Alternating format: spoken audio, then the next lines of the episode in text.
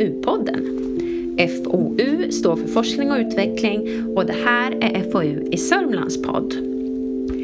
Jag som leder den här podden heter Lena Stenbrink och jag är kommunikatör på FoU i Sörmland. I varje avsnitt kommer vi att ta upp ett område eller ett projekt som vi arbetar med och som ni lyssnare skulle kunna tycka är intressant. I det här första avsnittet kommer vi att tala om fallprevention och då med fokus på träning. Med mig här i studion har jag vår forskningsledare Marina Arkokangas som har doktorerat i vårdvetenskap och vår statistiker Hans Eriksson. Välkomna! Tackar. Tackar. Hur är det nu med fall? Är det ett riktigt stort problem? Ja, eh, fallolyckor är ju ett, eh, ett väldigt stort problem och fyra, fyra äldre personer dör ju varje dag utav fallolyckor Oj. och eh, ja, man beräknar att det kostar samhället ungefär 11 miljarder då bara för äldres fallolyckor varje år. Mm.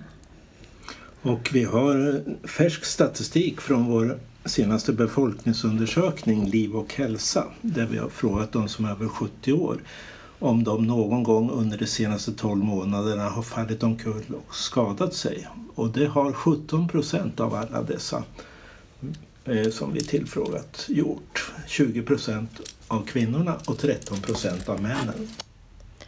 Aha, så att det skiljer mellan könen. Är det också vid någon speciell ålder man börjar falla?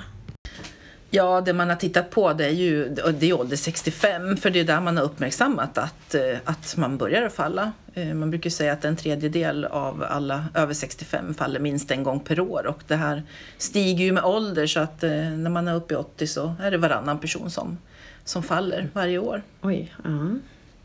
Och en stor del av dem skadar sig också. Det kan röra sig om 30-40 procent när man blir 85 år och äldre som faller omkull och skadar sig. Mm. Vad, vad är det som gör att man faller? Ja, det finns ju många förklaringar till det och man brukar säga att det finns över 400 olika orsaker till att man faktiskt faller och eh, ålder är ju den, eh, den faktorn som är absolut största riskfaktorn. Och sen, men sen har vi ju andra saker som påverkar som att man eh, använder läkemedel, eh, synnedsättning om man inte har rätt, om man inte har glasögon fast man behöver det. Och det kan vara utemiljön och det kan vara innemiljön, att man eh, har trösklar och mattor som ligger, lysen eh, på natten.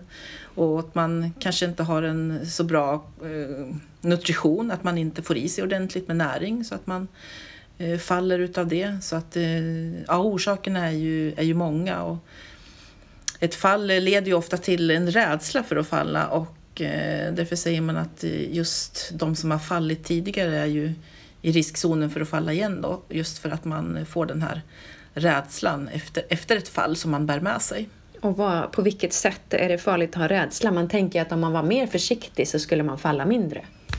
Ja, men eh, det är ju lite så att man utsätter sig ju i vissa situationer i alla fall för utmaningar och då har man inte de resurserna för att kunna hantera det. För att ju mindre man rör sig, ju mindre aktiv man är, ju, ju svagare blir man ju. Och, eh, och då kommer vi in på det här lite grann med just eh, styrka och balans, för det är ju ett av de här eh, stora riskfaktorerna som man faktiskt kan göra någonting åt, som man själv kan ta tag i och som man har forskat väldigt mycket på också, att man, man kan träna upp både styrkan och balans i, upp i hög ålder och, och har god effekt av det.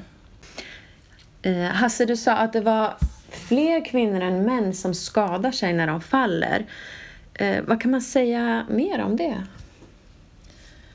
Ja, det man kan säga är ju precis som Hasse sa att fler kvinnor eh, faller ju, men det är ju fler män som dör utav en fallskada. Eh, som man har förklarat med att män har ett högriskbeteende. Eh, alltså de är mer oförsiktiga när de eh, utför olika aktiviteter som att klättra på tak och stegar och, och så vidare. Så man kan säga att kvinnor får fler mindre skador medan männen får allvarligare skador? Ja. ja. Okej. Du pratade lite om träning förut, Marina. Är det, kan du berätta lite mer om hur man skulle kunna jobba med det? Just, eh, just det här med träning, det finns det ju faktiskt väldigt mycket forskat på idag att, att det är effektivt för just att förebygga fall. Och eh, man har tittat på olika träningsprogram och det finns ju ett speciellt träningsprogram eh, som innehåller både balans och styrka som heter Otago träningsprogram som förebygger upp till 35 procent faktiskt eh, fallrisken. Oj, det är bra. Ja, och där har man då, det man har gjort är att man har kombinerat då att man utför väldigt enkla balansövningar och kombinerar det med väldigt enkla styrkeövningar. Och så gör man det här, den här träningen regelbundet då, att man gör den minst tre gånger i veckan och håller på så i minst ett år då har man sagt att man behöver träna med den här träningen för att den ska vara förebyggande. Och det här är ju en väldigt enkel träningsform som, som skulle, kunna vara, eh, skulle kunna vara tillgänglig för alla äldre att ta del av men man har använt det i väldigt liten utsträckning i, idag. Är det någonting som kommer kunna ändra sig? Jag tänker att det är ett arbete som måste pågå, att man ska, man ska börja och, och prioritera just sådana här evidensbaserade träningsprogram som man tar fram inom både hälso och sjukvård men också ute i friskvården. Att man, att man ska använda det som man faktiskt har forskat fram och, och som, som visar sig vara effektiv och äldre, som äldre kan ta del av. Då. För att eh, jag har varit ute och pratat eh, inför ganska många pensionärer och Eh, de är väldigt intresserade. Alltså, träning är ju väldigt intressant för äldre idag. Man, man, man är nyfiken och man, eh, man är medveten om att man behöver hålla igång, att man måste hålla sig aktiv upp i hög ålder. Mm. Det är ju bra. Vi pratade ju om att det här är ett stort problem i Sverige. Men om vi går lite mer regionalt, hur ser det ut i Sörmland?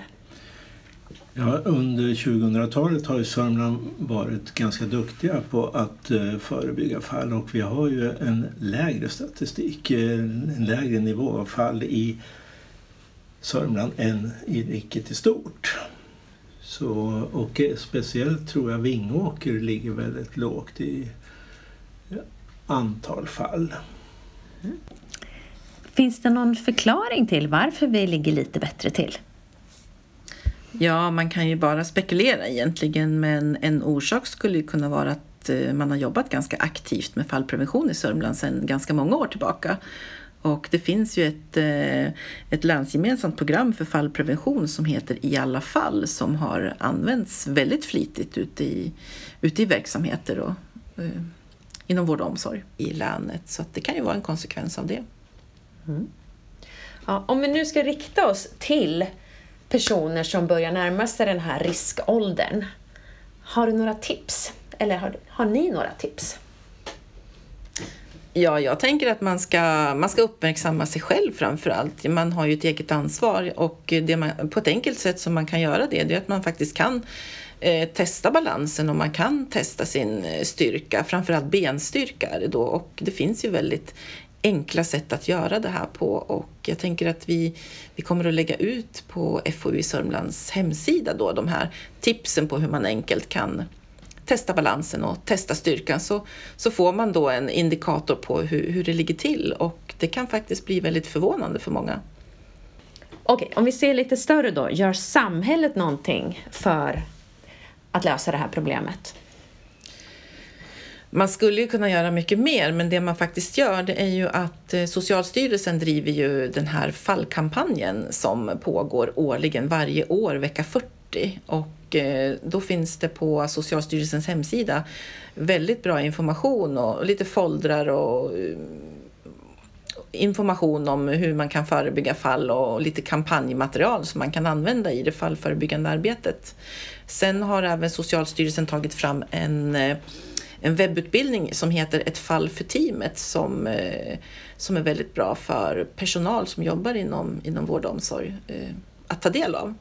Så det är ett tips som man kan gå in på.